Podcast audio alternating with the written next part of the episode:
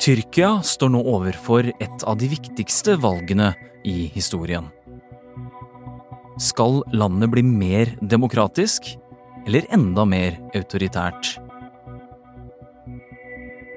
I 20 år har den mektige presidenten Erdogan holdt på makten. Og for å kjempe mot ham, så har resten av partiene i landet samlet seg om én motkandidat, nemlig Tyrkias Gandhi. Vil siste rest av det tyrkiske demokratiet forsvinne hvis Erdogan vinner? Og Tyrkias Gandhi, har han egentlig noen sjanse? Du hører Forklart fra Aftenposten. Mitt navn er Filip A. Johannesborg, og i dag er det torsdag 11. mai. Og nå på søndag er det valg i Tyrkia.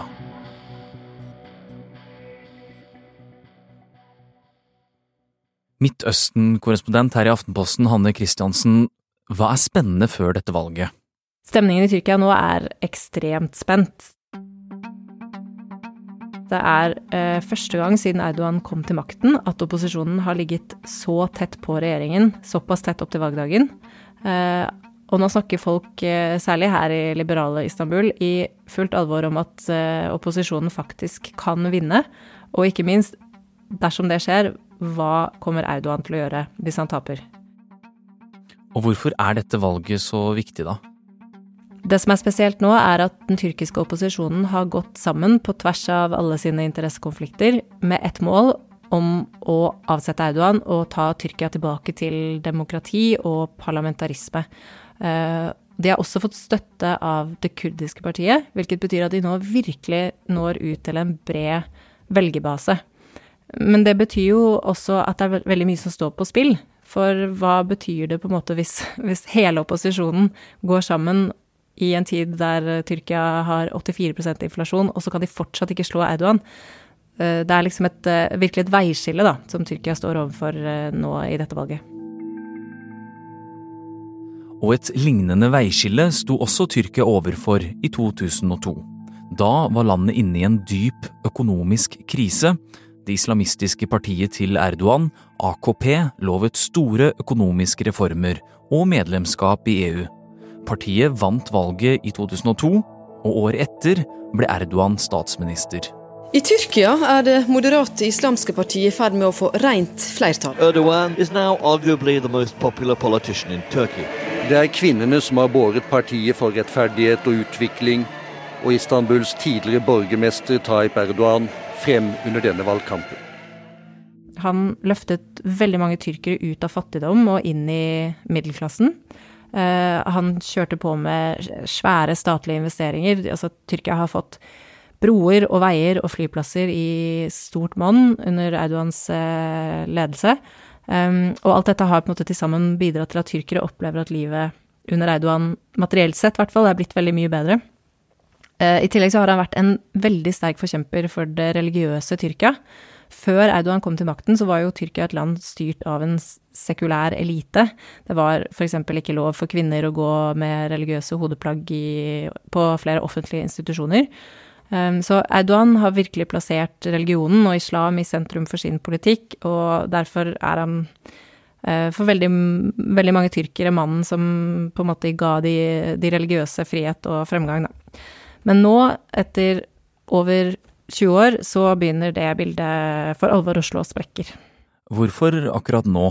Altså, I samme periode så har jo Erdogan også blitt stadig mer autoritær.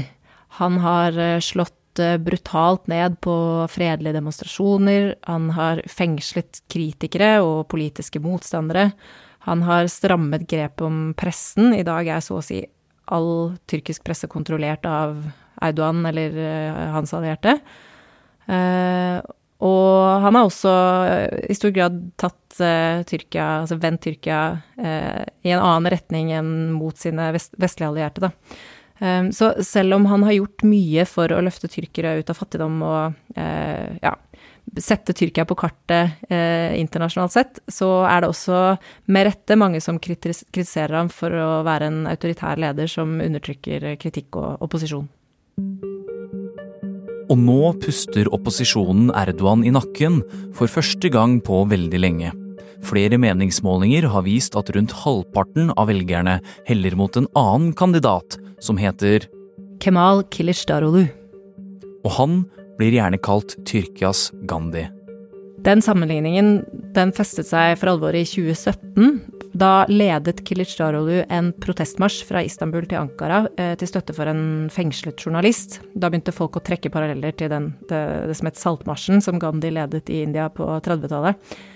Men eh, en annen litt enklere grunn til at uh, tyrkisk media ofte kaller ham for Gandhi, er uh, jo egentlig bare det at han faktisk ligner litt. Han, han har runde briller og et litt sånn mildt og koselig ansikt. Uh, og ikke minst så, så, ligner han litt i fremtoning. Um, jeg tenker at det i hvert fall er, det er innafor å kalle Kilic Darolu for en slags anti-audoan. Presidenten liksom nesten brøler i talene sine og er veldig sånn bombastisk og maskulin i stilen. Mens uh, Kilic Darolu han snakker med mild røst, gjerne fra uh, kjøkkenbordet sitt, uh, og snakker mye om likestilling og forsoning og den type ting. Geçen seçimde ustalık devri diye sattıkları şey ülkemizi her alanda çöküşe sürükledi. Kilicdaroglu leder jo det som heter Det republikanske folkepartiet, eller CHP, som det forkortes til her i Tyrkia. Det er uh, Tyrkias eldste politiske parti, og også det største sekulære partiet. Så han står jo for uh, sekulær parlamentarisme, uh, og har lovet, dersom han blir valgt til president, å styrke demokratiet og gå tilbake til det parlamentaristiske systemet som Tyrkia hadde før. Han har også lovet faktisk at han skal gå av etter en periode, sånn at han får tid til å tilbringe kvalitetstid med barnebarna sine. Han er 74 år gammel. Alt dette har gjort ham ganske populær, særlig blant de unge velgerne. Før valgdagen står det temmelig likt mellom de to kandidatene, og det betyr at mektige Erdogan faktisk kan tape dette valget. Men det er ikke sikkert at han går av frivillig.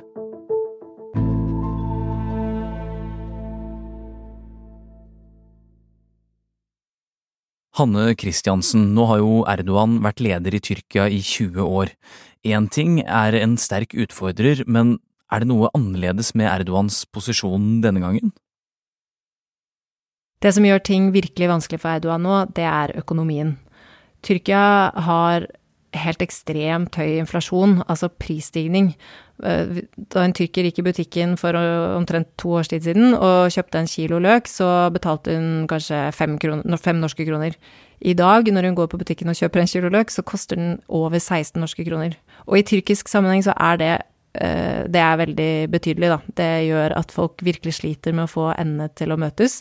Og det hjelper ikke at liraen er i fritt fall, altså den taper veldig mye verdi mot eh, amerikanske dollar og euro. Eh, og boligprisene er også på vei rett opp. Og det er for Akkurat for Audoan så er det litt ekstra, litt ekstra betydningsfullt, fordi at han var jo nettopp den lederen som løftet Tyrkia økonomisk sett ut av fattigdom og inn i middelklassen, og leverte vekst og velstand. Så det at folk nå opplever at det eventyret er over, det rammer Eidogans oppslutning veldig hardt. Og så, som om ikke dette var nok, så opplevde jo Tyrkia nettopp en enorm naturkatastrofe. I februar ble Tyrkia rammet av flere kraftige jordskjelv. Katastrofen kostet minst 50 000 liv bare i Tyrkia og la hele byer i grus. Det letes etter overlevende i ruinene etter sammenraste bygninger. Flere millioner er fortsatt hjemløse. Det er mange som har pekt på en interessant parallell eh, til den tiden da Erdogan først ble valgt til statsminister. For i 1999 så opplevde Tyrkia nok et kraftig jordskjelv. Eh, den gangen så kostet det over 17 000 mennesker livet. Og regjeringen som styrte landet da, de fikk enorm kritikk for at responsen kom for sent, og katastrofen ble håndtert for dårlig.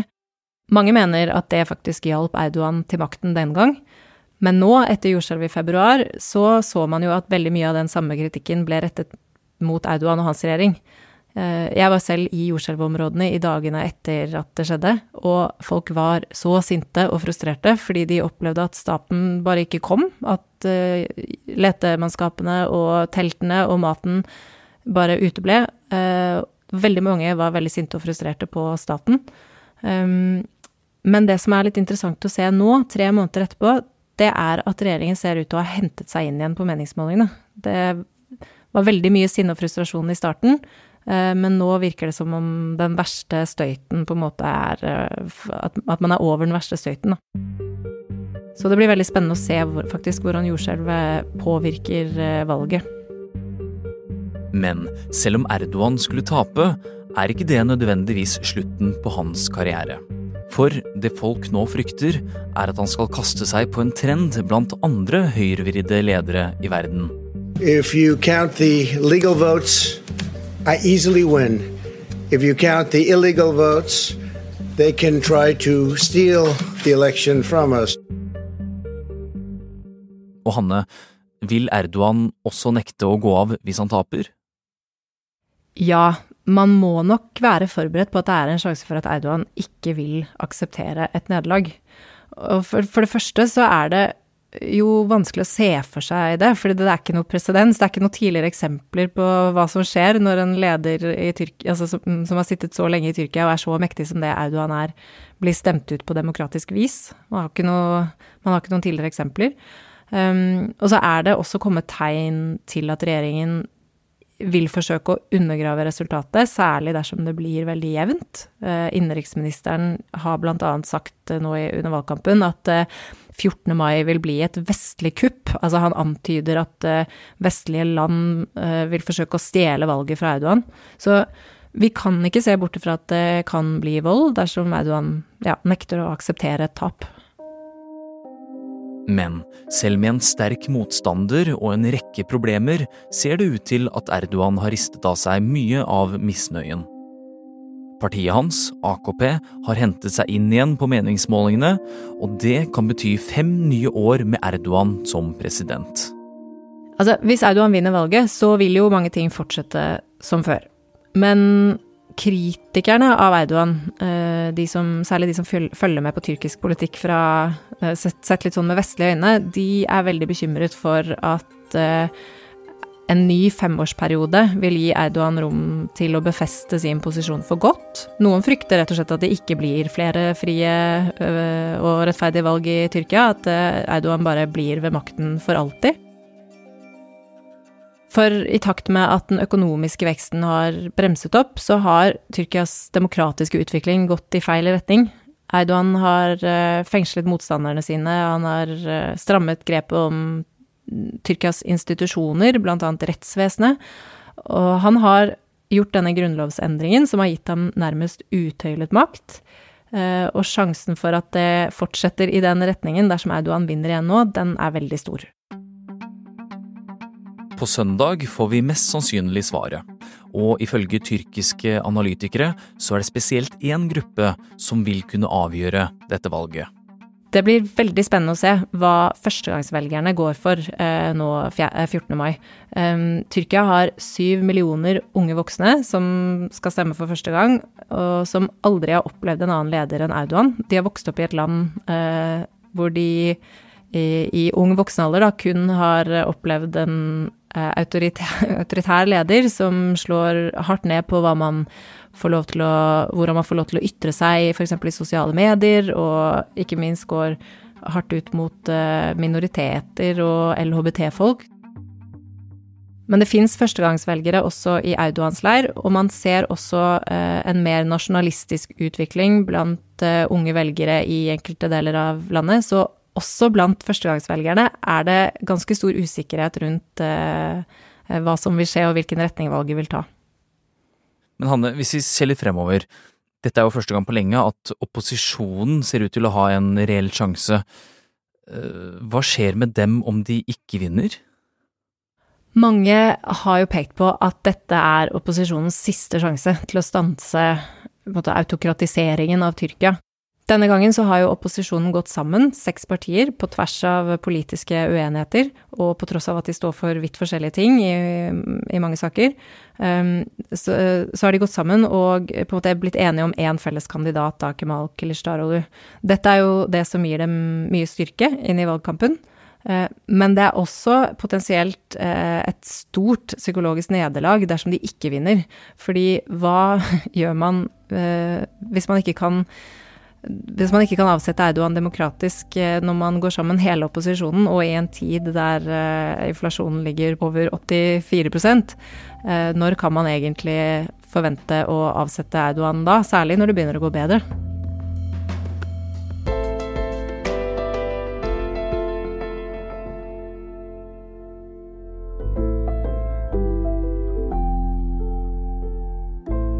Du har hørt en podkast fra Aftenposten.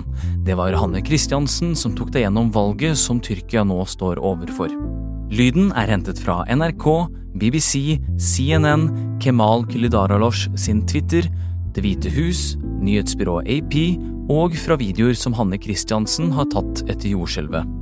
Denne episoden er laget av Jenny Føland, Anders Weberg, Fride Nesten Onstad og meg, Philip A. Johannesborg. Resten av Forklart er Synne Søhol og Olav Eggesvik.